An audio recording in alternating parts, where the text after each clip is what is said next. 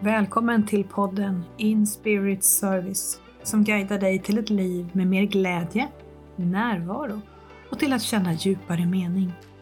Till en vardag med frihet att driva ditt eget företag på ditt sätt, där du gör det som är menat för just dig.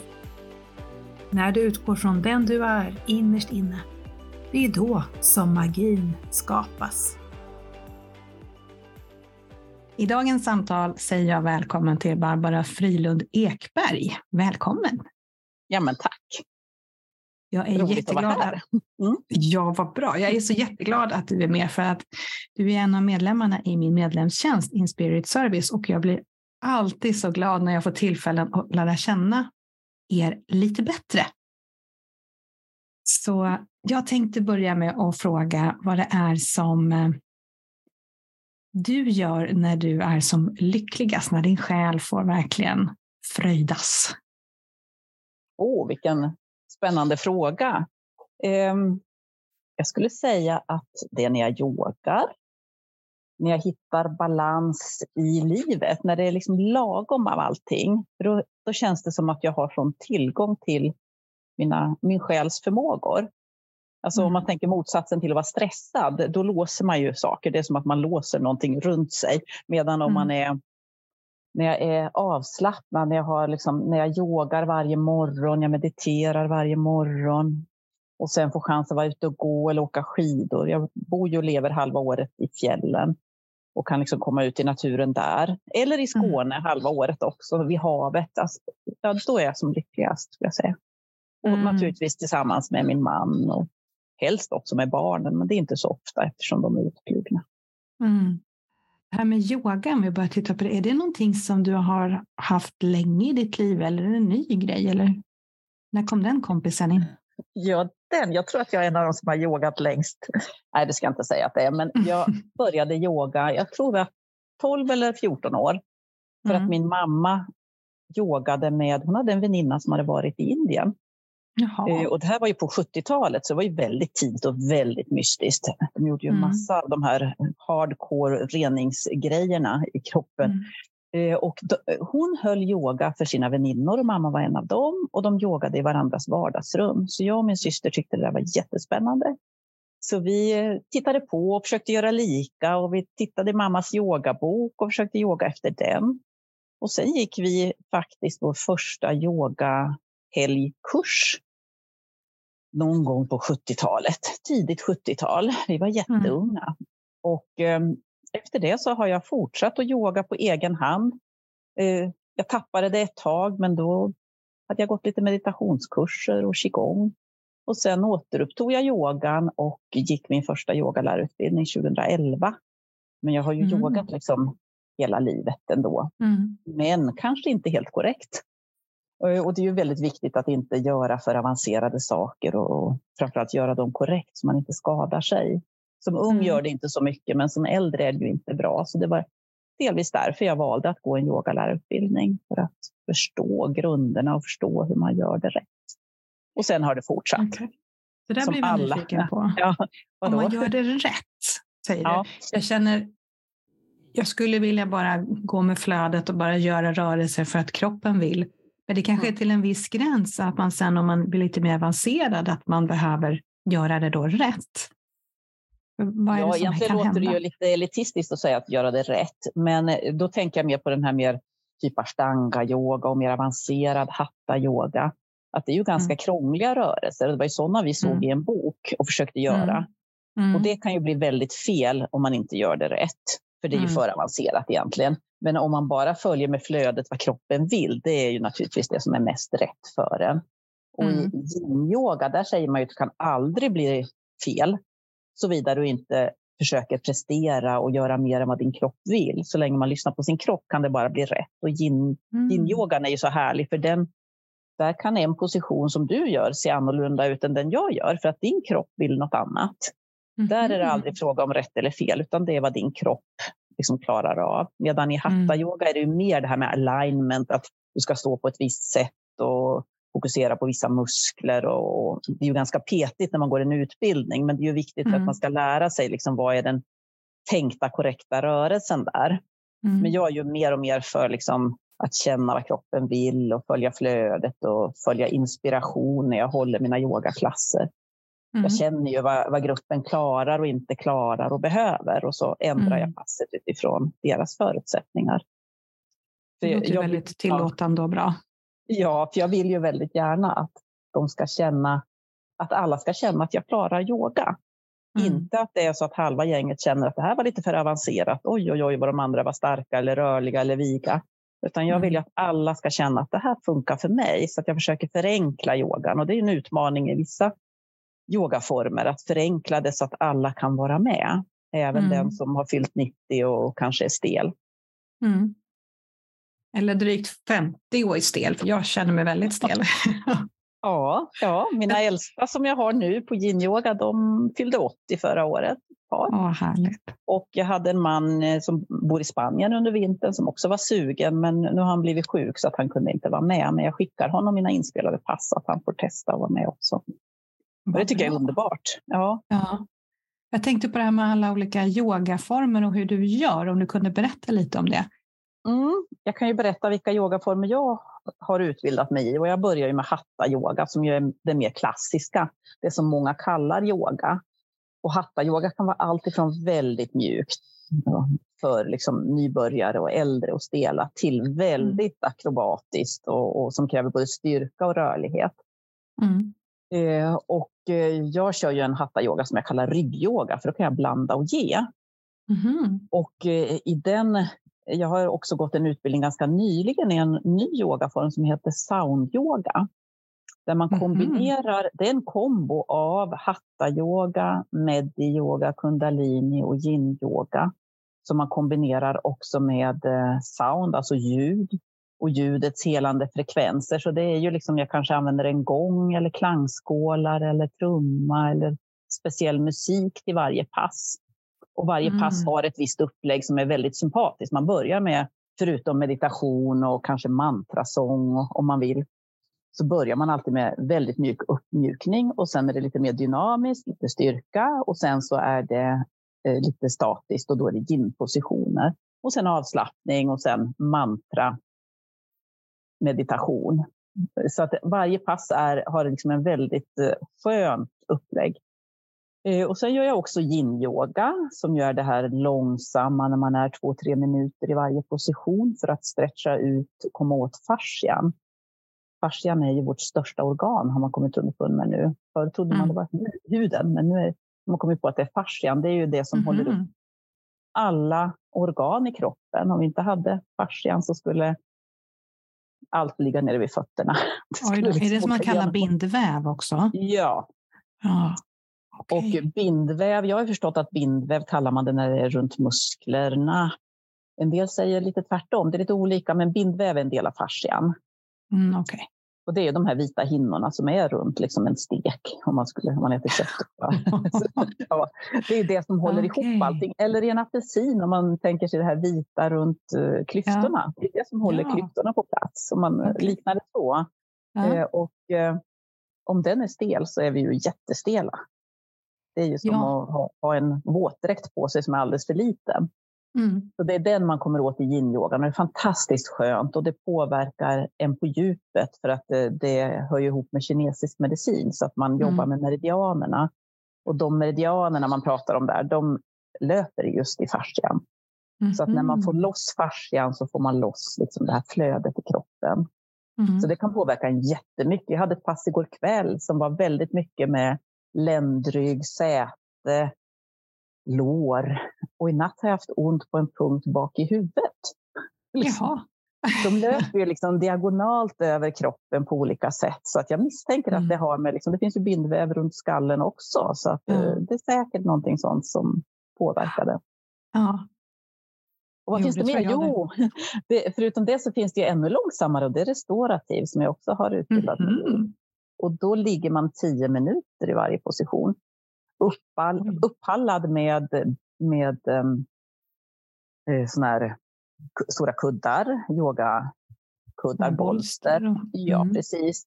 Man kan ju ta hela, man behöver inte ha bolster, man kan ta hela soffans kuddar. och filtar och allt möjligt. Till och med under handlederna eller händerna sätter man någonting. Och man alltså bygger upp så inte en muskel ska liksom hänga i luften utan allt ska känna att det tryggt kan liksom landa med någonting under sig. Och när mm. hela kroppen slappnar av till 100 procent, då läker kroppen, säger man. Så man mm. ligger 10, ibland 15 minuter i varje position. Otroligt läkande och speciellt för människor som är utmattade eller som mm. har saker man behöver läka. Så den är helt fantastisk och då kan man ju spela fin musik eller köra gångbad under tiden eller så. Mm. Så har vi ju yoga nidra som är ännu långsammare, då sover man. det är ju yogisk sömn där ja. man guidar ner, man blir guidad liksom till en djupavslappning. Så det är ju mm. som en guidad avslappning. Det har jag också utbildning i. Och qigong, det är ju inte en yogaform, men det är ju också vad jag håller på med. Mm. Det är flöde och energier i allt det här. Mm. Utöver det finns det ju massa andra olika yogaformer som inte jag ska ja. prata om eftersom jag inte har full kontroll på dem. Ja, det verkar finnas en uppsjö, men de du har pratat mm. om, den första du sa, då kände jag att jag blev nästan så här, på känslan att jag går in i en godisbutik. Gud, vad som ett Kinderägg deluxe. Man fick ju allt ja. i det, allt i ett paketet. Du tänkte på soundyogan? Ja, när du hade alla ja. de olika delarna. Jag tänkte, ja. Gud vad mysigt. Ja, de passen är jättesköna. Så det jag kallar ryggyoga, som jag, jag har ju yogakurser online under vintern. Eh, mm. Och eh, ett kallar jag för ryggyoga. Och det är egentligen soundyoga. Enda är att via Zoom tycker jag det är svårt att få till ett bra ljud. Jag har inte lärt mig det riktigt än. Så att jag använder inte ljud och gång och klang på det. Däremot mm. använder jag upplägget. Och mm. en del av passen som jag ändrar lite för att passa då. Gör man online så måste ju jag tänka på att jag ser ju inte om deltagarna gör rätt och förstår. Så att jag får, måste förenkla ibland, att det blir enkla instruktioner och tydligt vad jag gör och så. Ja. Och tidigare nämnde du om en inspelning. Kan man få det inspelat då efter när man har varit på passet? Man kan göra om det eller hur lägger du upp det? Eh, jag har lite olika upplägg, men för det mesta brukar de få ett par pass, inte mm. varje gång. Mm. Men ett par pass som de kan göra själva emellan och efter mm. och som de får behålla och träna hur mm. ofta de vill.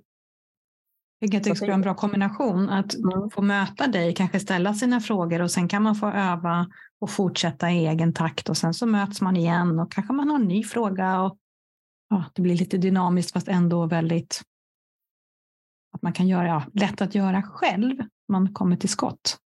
Precis, och det här var ju en bra, det var ju en effekt av coronan. Jag fick avsluta min grupp som jag hade här hemma i Grövelsjön. En liten mm. grupp mm.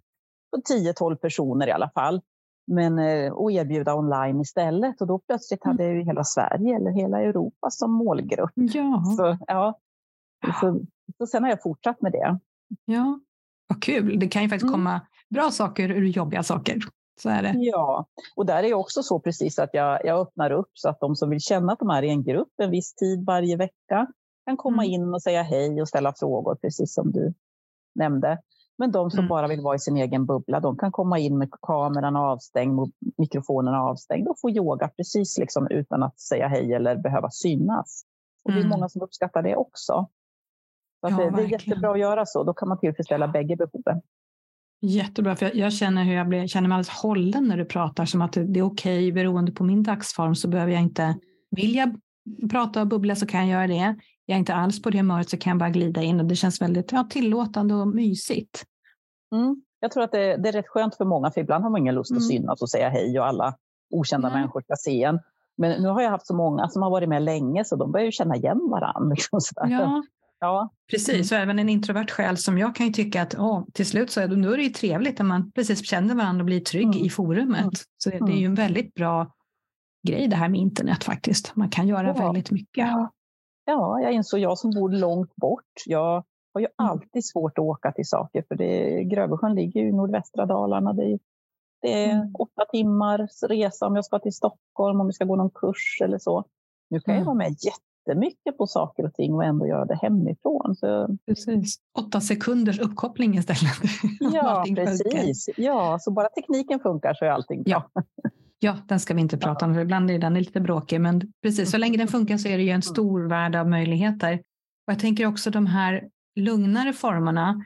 Jag trodde ju att yin-yoga egentligen var den lugnaste, men du hade väl två nivåer till där under? Ja, precis. Mm. Och yoga nidra så är väl att man, det är okej att man somnar, men om man somnar mm. i de andra då? Missar man någonting av effekten då, eller vad, vad händer? Nej, det är ju, då är det det man behöver.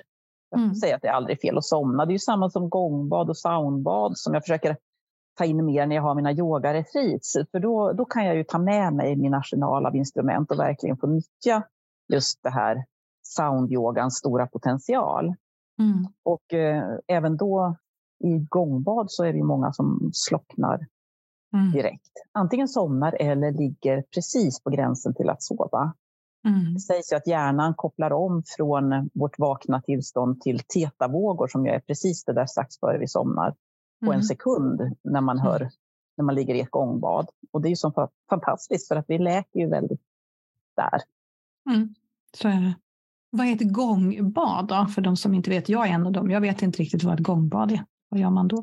Gångbad, eh, då ligger man eh, avslappnad och eh, så spelar jag eller någon annan då på en gång eller flera gånger. När det är gångbad brukar man ofta ha flera gånger. Och man ligger och slappnar av bara och mm. blir helt frånkopplad. Och de här vibrationerna, frekvenserna från gången, de är ju läkande.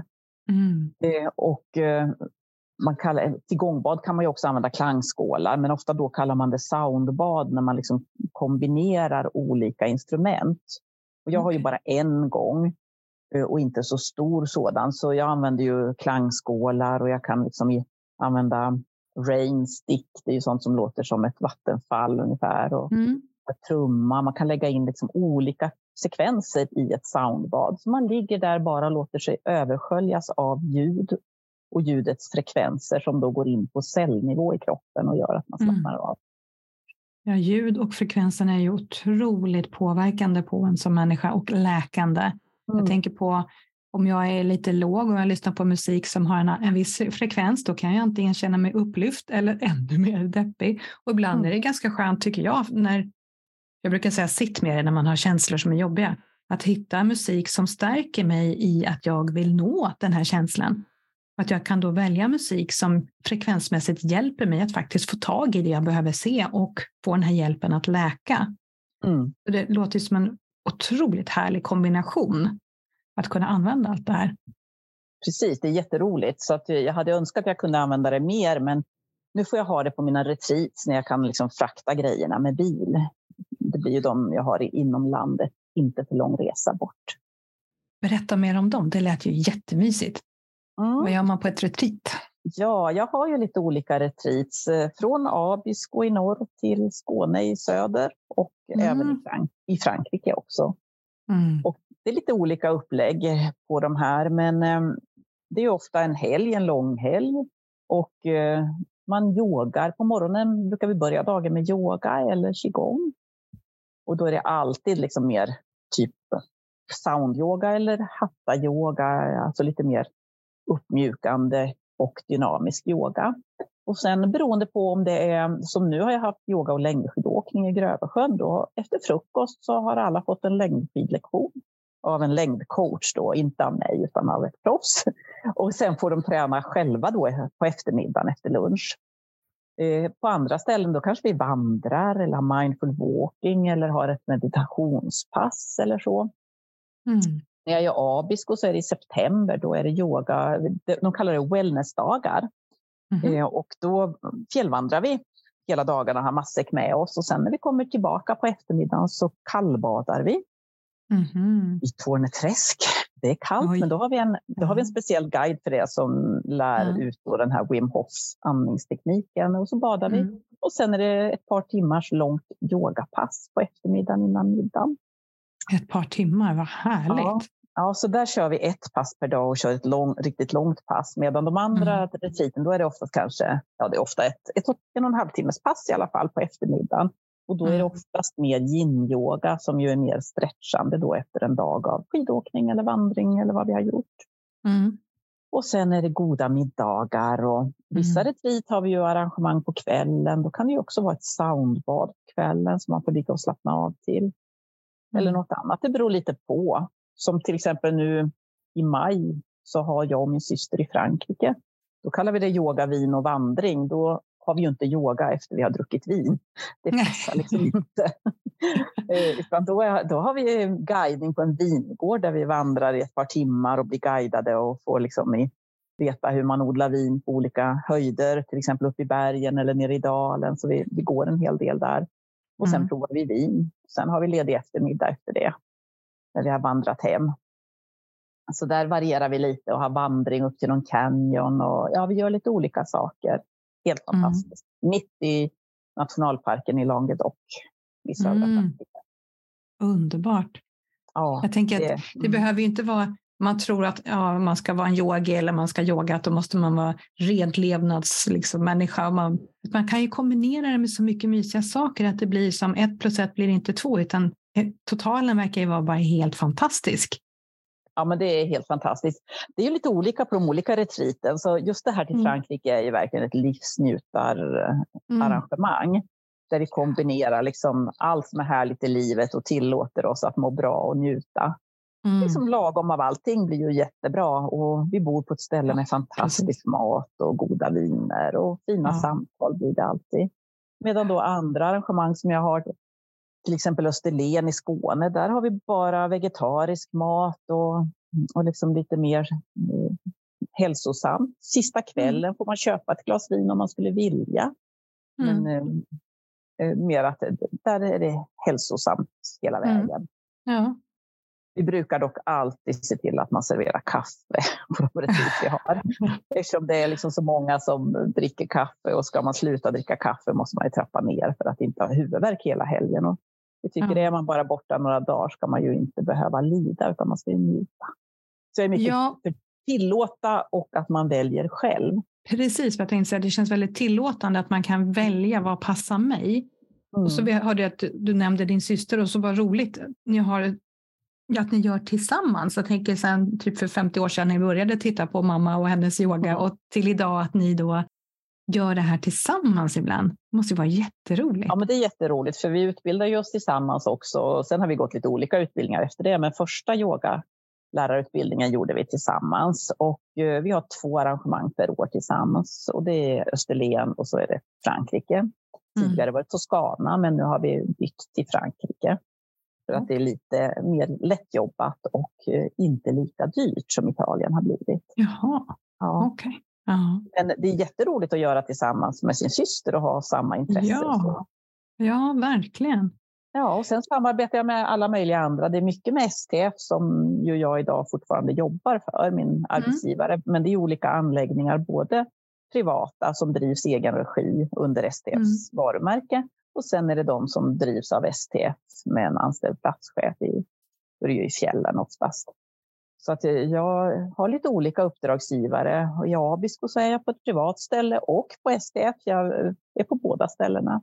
Mm. Det är lite roligt att ha olika samarbetspartners för jag känner att det vidgar både liksom nätverket och målgruppen. Men det mm. berikar mig också med ja, olika människor och olika ja, att samarbeta med olika människor gör, mm. ger mig jättemycket. Jag förstår det. Om det är någon som inte vet vad STF är för någonting, kan du berätta lite om det? Ja, det är inte självklart. Det är, STF är en förkortning för Svenska turistföreningen som ju är en eh, förening kan man säga som bildades 1885, så den har funnits mm. jättelänge.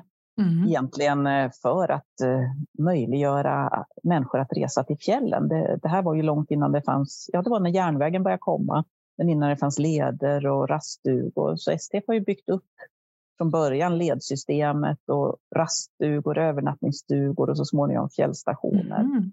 Mm. Och sen startade det här med vandrarhem i Sverige. 1933 mm. kom det första i Gränna. Och eh, mm.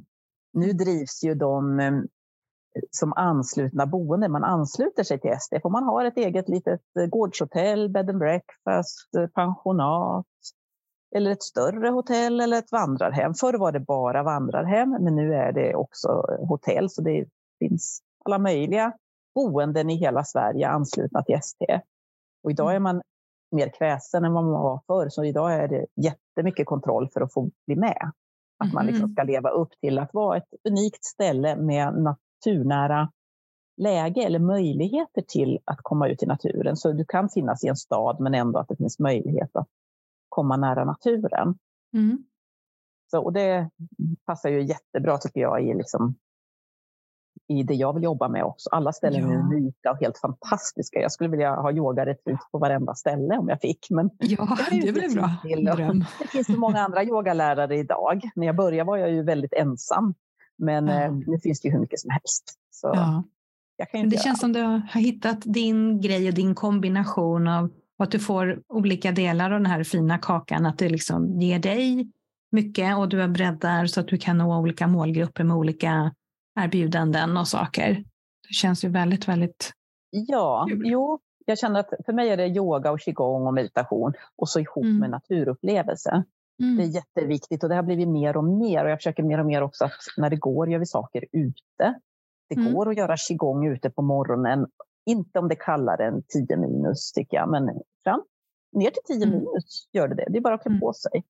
Mm. Eh, och att liksom göra så mycket som möjligt ute i den mån att vädret tillåter naturligtvis. Det ska ju vara mm. bekvämt och så. Men det, det har blivit min nisch och målgruppen.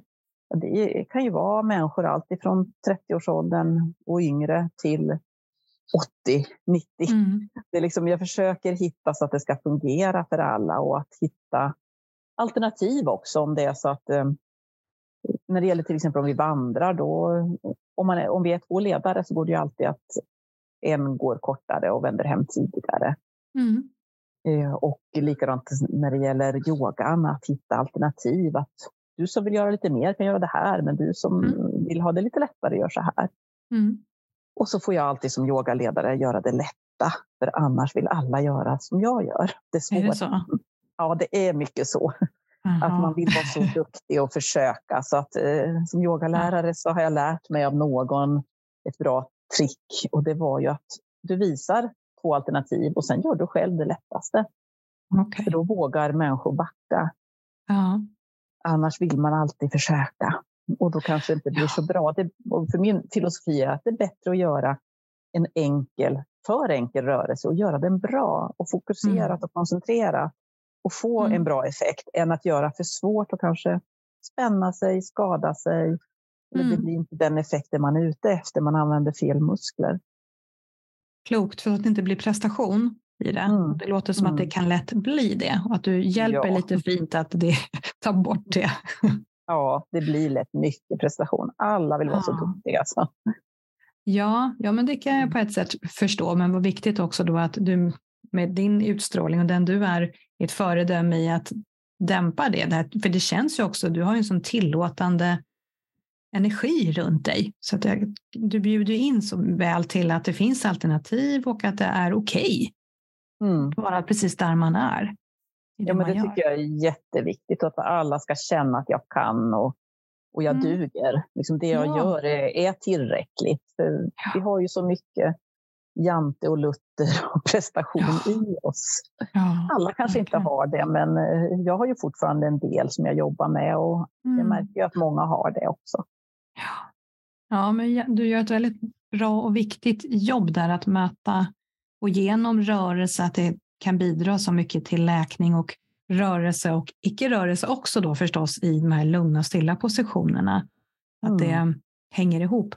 Och kan jag tänka mig om det kommer då en väldigt högpresterande människa på ett pass och sen innebär det att ligga still i en position i tio minuter. Det kan ju vara en utmaning kan jag tänka mig. Att nu ska jag bara vara här.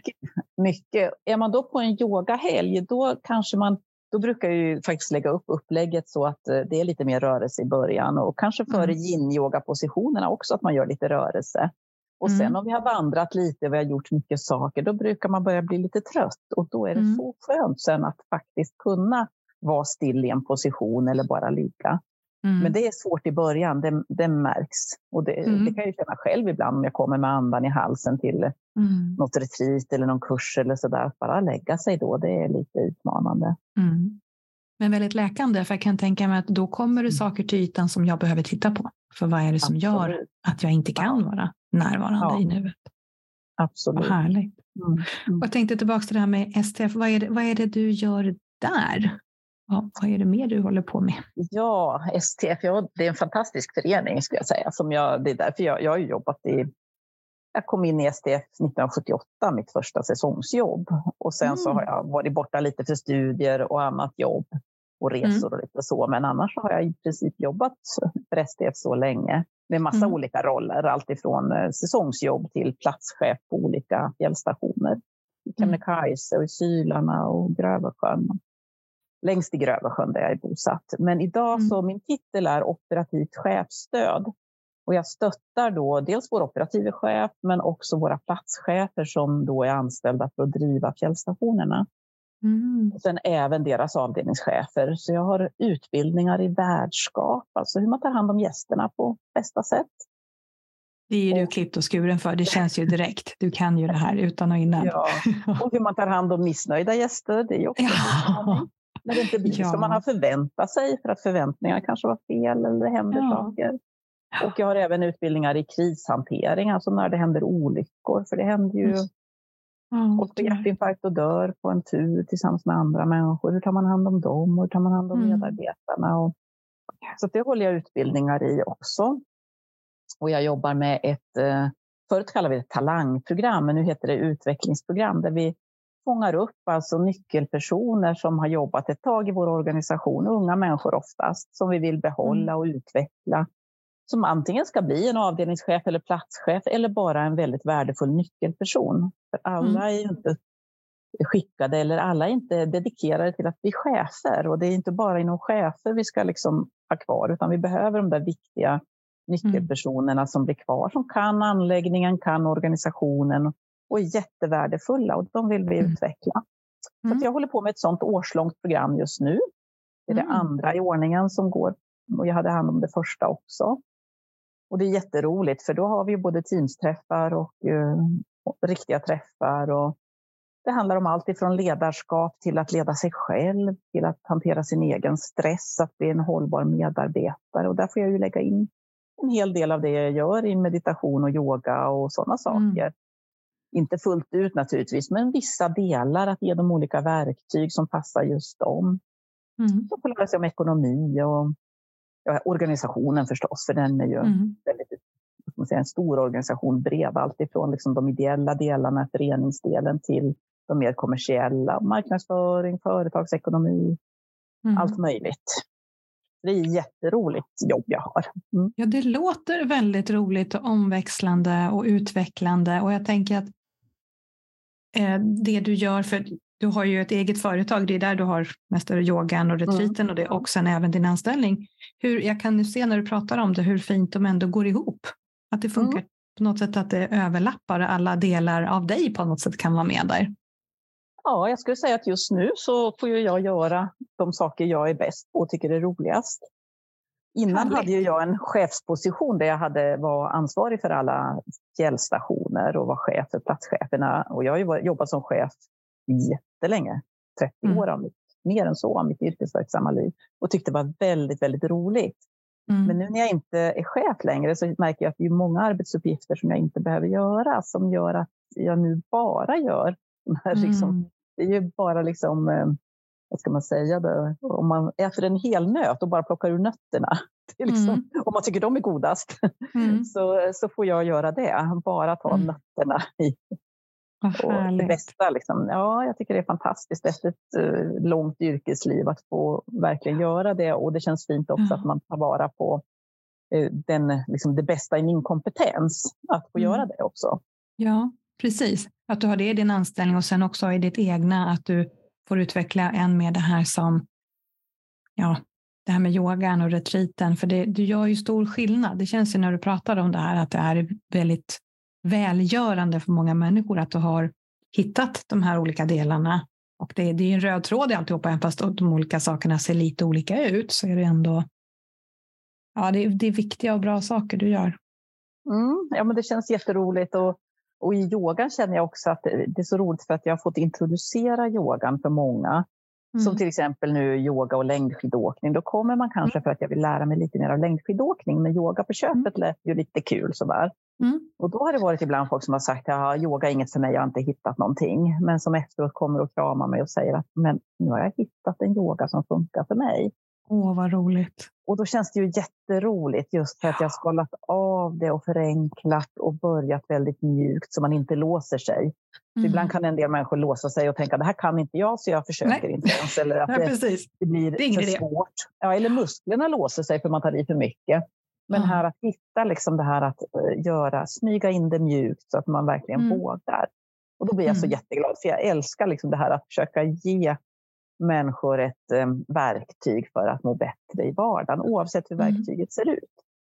Ja, inte bara i vardagen tänker jag. Om du, du gillar till exempel att åka längdskidåkning, så yogan måste ju, tror jag i alla fall, komplettera och fördjupa, att det blir mer helhet av det hela, att du tar hand om dig och inte bara kör de här musklerna på det sättet och det mindet, utan att du får in många aspekter i samma.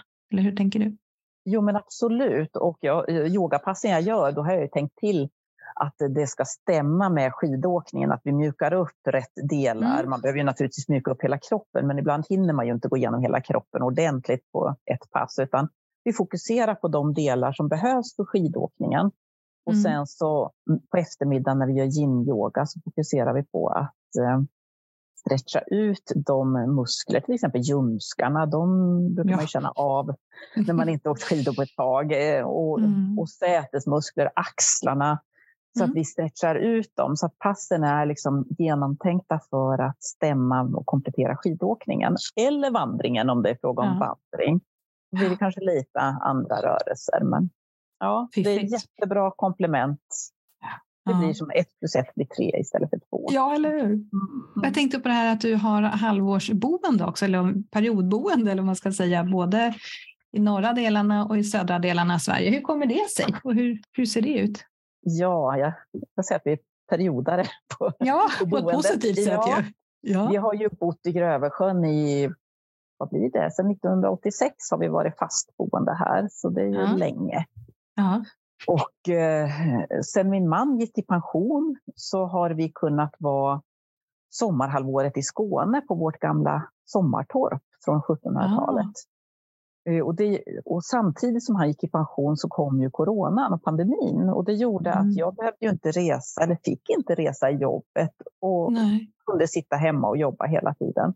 Mm. Så från det, det var det som började liksom öppna upp att tanken att kunna vara i Skåne vi är där från mm. första maj till sista oktober för att eh, vi ser ju det som sommar.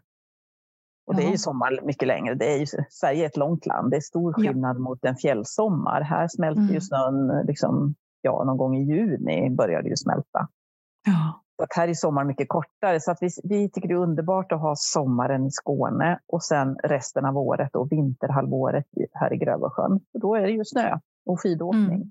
Mm. Fem, sex månader om året så är det bra skidåkning. Mm. Sen har vi ju nu förra året så provade vi första gången också att hyra ett hus i Spanien i november. Och för att november, innan snön har lagt sig, det är ljust och fint i Grövelsjön så fort det kommit lite snö i november. Mycket ljusare mm. än någon annanstans i Sverige. Men innan snön har lagt sig, då kan det ju smälta och, och snöa och bli liksom väldigt, väldigt halt. Det är grått också. Ja, det är grått och halt. Så att då tyckte vi att ja, men november, varför inte prova vara Underbart. Mm. Lyfta den månaden som annars tenderar att kunna vara lite tråkig och mörk. Ja, ja det var helt fantastiskt att bo så länge så att vi kunde ha ett vardagsliv. Jag kunde yoga ja. länge varje morgon med utsikt över havet i soluppgång. Så nu har vi faktiskt redan hyrt för nästa år, eller för i år också. Ja, ja. vad härligt. Men du, ja. verkligen, du plockar verkligen de här nötterna i ja. allt. Ja. Gud vad underbart. Jag känner att det är, liksom ingen, det är ingen annan som gör det åt mig utan det här måste man ju göra själv. Eller hur? Och du har och gjort det? Ja, och titta på möjligheten. Var liksom, titta på att ha möjlighet och det behöver inte kosta skjortan att göra det utan att man har råd att göra det också. Jag bara tror att tanken att väcka att det kan vara möjligt. För jag tror väldigt många låser sig att det går inte. Ja. Och som vi pratade om Janta, de här gamla, mm. vi har beteendemönster, trosuppfattningar, vi har fått nedärvt och vi tror att det är på ett visst sätt begränsningar. Att ja. våga bara skaka lite på dem, titta lite sidan av. För det är helt fantastiskt som du pratar om att du får ju verkligen du får ju sommaren på en av de vackraste platserna i Sverige kan jag tycka, lite mm. party som jag bor i Sölvesborg. Du. Mm. och det är sommar på ett annat sätt. Och sen vinter när det verkligen är vinter, för grå slaskig vinter, det är inte roligt alls. Hellre lite minus och snö. Det är en annan kyla också tycker jag. Ja, jag var i Göteborg en helg här och det regnade och var en plusgrad. Åh, som vi frös. Ja. Medan, eh, medan det kom upp hit när det är 10 minus och vindstilla. Det är, ja, det är en helt annan sak. Ja. ja, om man jämför. Det är en torr kyla och så länge det inte blåser så är det ju väldigt, väldigt skönt. Och ja. ljuset, så fort det, bara ja. ljus, liksom, det är ju ljust verkligen. Mm. Så att, ja, det är underbart. Och ja, det skulle jag verkligen rekommendera alla som har möjlighet att åtminstone växla lite. Mm. Ja, och jag känner också att vi tröttnar ju aldrig på våra boenden. Det, mm. det är två helt vitt skilda typer av boenden. Och mm. Sen har man ju olika umgänge och olika möjligheter till vad man kan göra mm. på de olika ställena. Så att tillvaron blir väldigt omväxlande utan att man behöver anstränga sig så mycket. Men även vardagslivet är väldigt omväxlande. Det låter berikande att du får många olika delar i en ett, ett, inte två, utan att det blir så mycket mer. Ja, det är det. Det är, ja, det är fantastiskt. Mm. Ja, och att kunna se möjligheter och inte hinder utan att ja, vad är möjligt för mig? Vad kan man, jag tänker också på pandemin, hur hemsk den än kan ha, ha varit förstås. Det ska mm. man inte ja. sticka under stol med annat, men ändå fördelarna som jag ser för dig. Du, dels online, vad som öppnar sig, möjligheterna med eget företagande, det här att kunna växa där och kombinera. Mm. Du kan ju både ha den fysiska världen också såklart, men att kombinera med onlinevärlden. Och sen för er då att ni har upptäckt att ni kan bo. Att man kan ju jobba på distans, för det tror jag väldigt många upplever. Att jag behöver faktiskt inte vara så platsfast och låst. Jag kan vara lite mer rörlig och göra andra saker. Inte alla yrken förstås, självklart Nej. inte. Men om man då, särskilt när man är egenföretagare och jobbar online, alltså vilka möjligheter det finns. Ja, Jo, och just att alla har tvingats vänja sig så gör det också lättare. Innan dess tror jag att det fanns ju de som hade yoga online och så, men det var nog många som hade motstånd att vara med på det. Mm. Ja, men ja precis. Tvingar ju. Jag menar det här ja. att gå stadsvandring i Rom mm. online, som mm. ju var under pandemin var det ju väldigt mycket sådana saker man kunde göra. Ja, det finns ju möjligheter om man väljer att se det så. För vill jag se begränsningar, ja då är det bara det jag ser. Vill jag ha möjligheter så kommer ju det. Mm. Vad härligt. Och du pratade tidigare också om, om det här med barn och hur, hur ser den bilden ut för er med familj och när ni reser också, bor lite här och lite där? Och... Ja, men nu är våra barn de är utflugna. De, är ju, mm. de fyller 33 och 35 i år. Så att, men eh, medan vi hade barn och bodde här, då var vi ju väldigt låsta till skola och så. Och mm. Vi har ju två pojkar och den äldsta han föddes ju med Downs syndrom. Och det mm. gjorde ju att eh, det blev det tog ju väldigt mycket tid. Så att mm. det känns ju som vi har ju verkligen slitit mycket. Det gör ju alla småbarnsföräldrar oavsett mm. om barnet har någon diagnos eller ej. Men här, nu bodde i Grövelsjön. Ja, och sen hade vi 20 mil till habilitering i Mora. Det 30 ja. mil till specialtandläkare och andra läkare i Falun. Så det var ju väldigt mycket resor. Väldigt, mm. Och mycket träning för varenda moment måste ett sånt barn tränas. Mm. Så man måste lägga det i handen på honom. Orden mm. lägger man i handen som teckenspråk. Och, ja, okay. Att krypa, varenda grej liksom har vi fått jobba fram medan den yngre då bara sprang av sig själv, pratade av sig själv. Och, ja, mm. och fått komma naturligtvis ja. lite i kläm då. Ja, jag kan tänka mig att det blir en annan dimension när man får ett barn med speciella behov. Det blir andra utmaningar och, och att man kanske då också ser livet och värderar saker och ting på ett djupare sätt kanske. Jag talar inte för alla förstås, men jag kan tänka mig att det kan vara en liten skjuts till det, att se det på ett annat sätt. Och att verkligen, ja. som nu då, att ni kan njuta av alla möjligheter som finns. För det, det blir ju lite extra energikrävande förstås. Jo, men precis. Det är kanske därför vi liksom passar på att ta vara på den tid vi har mm. nu, att eh, vi inte är låsta vår son med Downs syndrom bor i Borlänge och vi hälsar ju på när vi kan mm. och vi är där någon helg varannan månad mm. utan att han har någon assistans och så. Och sen när jag reser i jobbet eller i yogaretreat så passar jag på mellanlanda där så att vi ses. Ja. Och den andra sonen i Stockholm hälsar jag på också. Men mm. det har ju tagit mycket och det är ju också naturligtvis, jag tror ju att det bidrog till att jag liksom var mer intresserad av att utveckla mina andliga sidor. Mm. Att, eh, redan när han liksom var i magen kände jag på mig att det var någonting och att det var en pojke. Det. Ja, jag var mm. säker på det. Så jag var så förvånad när de liksom inte sa det på en gång när han föddes, att eh, det var något. Ja. Så jag fick en fråga och då liksom sa han ja, han saknar ingenting. Men eh, det tog ju några dagar innan de sa att de ville ta prov och berätta. Liksom. Mm. Och sen tog det flera veckor innan de såg på blodprovet att det var Downs mm. syndrom. Mm. Men jag liksom bara visste det. Du visste det. Inom mig. Ja. Jag blir alldeles Men, berörd när du pratar om ja, det. För ja. det där är ju, jag tror ju verkligen, jag vet att det är så att vi kan känna på oss att vi vet saker fast vi egentligen inte vet det. Men sådana här saker, det blir så starkt att höra det. Så Jo, men då var det ju, nu blir jag också berörd när jag ska berätta ja. det här, men när jag satt hos barnmorskan och väntade på min tur, då hann jag läsa en Vi föräldrar. Det börjar man ju läsa när man ska få sitt första barn naturligtvis, en tidning mm. man alltid läst förut. Och eh, jag fick vänta länge så att jag läste varenda artikel, utom en mm. som rubriken var Det är inte så svårt som man tror. Och det handlar om, jag tror det var, jag tror Gunilla Boetius, eh, mm. någon eh, barnboksförfattarinna som, är det hon Bill och Bolla? Som har skrivit någon barnbok om någon. Okay. Jag, fattade, jag, visste inte då att det var faktiskt så att det ena barnet hade Downs syndrom, det andra Bill och Bolla. Men jag läste mm. Och, så såg jag att det handlade om det och så tänkte mm. jag nej, den där ska jag inte läsa. Tids nog måste jag läsa den ändå. Det kom i mitt huvud. Jag förstår inte var den tanken kom ifrån. Jag läste inte artikeln, jag läste allt annat utom den, utan tids nog kommer jag behöva läsa den i alla fall var tanken. Ja, det var ju jättemärkligt. Och sen ja. var det ju så då. Ja. Och det, det får jag ju ändå se som att det var en gåva att få ett sånt barn. Ja, men absolut. Så är det ju. Jag kan tänka mig att det är lite att man blir lite eh, omskakad blir det ju lite mer på riktigt. Vad är viktigt? Ja, precis. En verkligen så här, mm. Mm. verklighetskontroll far ja. inte iväg, utan vad, vad, är det som gäller? Vad är det viktigt? Och det, och det är klart att det är, som, det är ju en gåva. Varenda barn är ju en gåva och särskilt när det är ett barn som kan jag tänka mig bidrar väldigt mycket till min egen läkning, min egen process och hur jag ser på livet. Ja, det var ju väldigt nyttigt. Ett tag i början så jag tänkte att nog var det bättre om man hade något fysiskt handikapp. Mm. Och så tänkte jag, men, men varför det?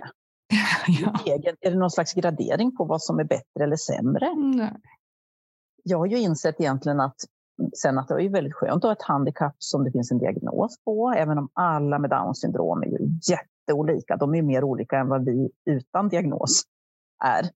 Egentligen i mm. sin intellektuella förmåga, sin fysiska förmåga. Och, sen kan det ju finnas liksom lite autism till. Det har ju vår son också fått. Mm. I vuxen ålder fått den diagnosen också. Men, eh, och att egentligen det är en fördel att ha ett handikapp som syns. För det finns en ja. del med intellektuella handikapp som inte syns och då förväntar man sig väldigt mycket av dem. Vilket gör att det blir felaktiga förväntningar, det blir missuppfattningar. Eh, alltså det blir mm. jobbigt för alla. Eh, på något vis känns det som att det är lättare. Hur det sen är för barnet eller människan, det vet jag ju inte. Det är svårt att veta. Men det är lättare i alla fall med vår son med Downs syndrom, så folk ser att han har det och, och bemöter ja, men det skulle jag nog tro. Det. Ja, ja, för det, det är ju ändå en extra utmaning, ett moment man slipper att folk inte så lätt förstår att gå på som vanligt kanske och så blir det risk för missförstånd och irritation, att det blir onödiga utmaningar. För det blir ju ändå en heads up att det är någonting där ändå syns, att det är lättare jo. att en människa kan släppa sina rädslor och begränsningar och checka in med sig själv och sitt hjärta och mötas från rätt plats mm. där du mm. ser. Mm. Precis. Och sen är det ju så, det är ju många barn med handikapp, men jag tror Downs syndrom speciellt, de tar fram det bästa hos andra människor. Ja. I skolan fick han ju sitta med busarna i klassen och de blev ju så snälla. Ja. De blev ju som änglar och hjälpsamma och sådär. Ja. Så att, eh, och det är ju som att ja, han tar fram det bästa hos alla. Ja, det är ju helt underbart. Det. Ja. Men det här du sa, att man får en tankeställare också om vad som är viktigt. Mm. Och han var ju mycket sjuk som liten. För många med Downs syndrom har ju ett sämre immunförsvar, blir väldigt, väldigt sjuk så fort han är förkyld. Eh, och till sist, då blir man ju också sådär som att, ja men är det inte fråga om liv och död, alltså väldigt eh, så, då är det inte viktigt. Att vadå mm. gnälla för en förkylning eller gnälla för små saker.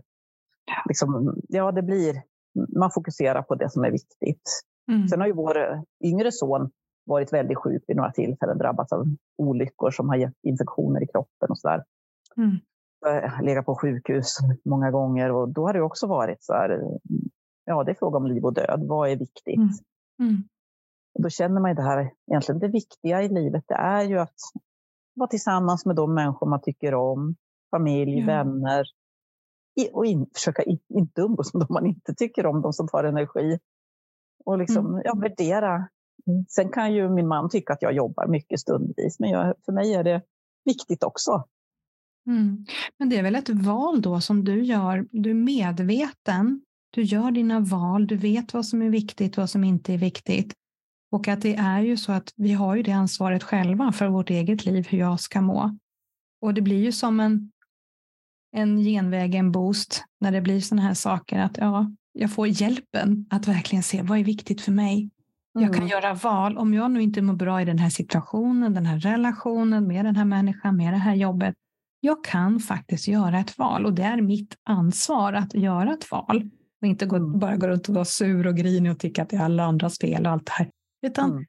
möta sig själv och göra sina val och så bra det kan bli. För jag tänker på som ni har det nu och din energi, vad du utstrålar, din värme och hur du möter. Du gör ju sån stor skillnad och att du ja, i både i ditt eget liv, det märks ju att du lever som du lär och att du har de här säsongerna och ni åker till värmen en månad och njuter av livet, av det som är. Det, det känns väldigt det är både jordat och kontakt med ljuset på en gång om du förstår vad jag menar. Det känns väldigt mm. ärligt och äkta och kärleksfullt. Jag blir alldeles varm när jag pratar med dig. Det är vad fint att du, att du säger det och ser det så. Och, och, men det har ju varit en lång resa. Det har ju, vi har ju ja, naturligtvis varit i det här ekorrhjulet med barn som tar mycket tid och dåligt samvete att vi inte hunnit med den yngre sonen. Han har fått klara mm. mycket själv mm. naturligtvis. Och, och hjälpt sin bror väldigt mycket och sådär. Och, mm. blivit väldigt kapabel då istället. Ja, precis. Men samtidigt dåligt samvete hela tiden. Och dåligt mm. samvete att vi inte haft tålamod med sonen med Downs syndrom när han inte mm. förstår eller vill eller eh, protesterar som ju hans sätt att visa sin vilja. Mm. Så, och, och, massa jobb. Och, så det har ju varit, precis som alla andra föräldrar, ett ständigt dåligt samvete för saker och ting. Och, och då kan vi ju desto mer nu verkligen njuta av det som är och verkligen lägga energin på det som känns viktigt. Det var fint sagt. Vilken fantastiskt fin avrundning av ett mycket varmt och innerligt samtal. Jag känner jag är fortfarande berörd av allt du har sagt och ja, det här sitter i mitt hjärta. Det var ett jättefint samtal. Så tusen tack för att jag har fått prata med dig och grattis till er som lyssnar för att få höra mer om dig och det du har att bidra med. Du är väldigt inspirerande. Ja, men tack själv Agneta för att du öppnar upp. Det är du som öppnar upp till fina samtal. Så tack. Det gör jag, men det är mina gäster som gör grejen tycker jag. Det här var helt, helt magiskt. Så tusen tack för att du har varit med. Ja, men tack. Tusen tack för att du har lyssnat. Känner du någon som du tror skulle ha glädje av det som du just nu har lyssnat på? Så tipsa dem gärna. Eller lägg en skärmdump på det här avsnittet i någon av dina sociala kanaler. Och vill du ha mer inspiration så gå gärna in på min hemsida introvert.se. Jag önskar dig en fortsatt magisk dag.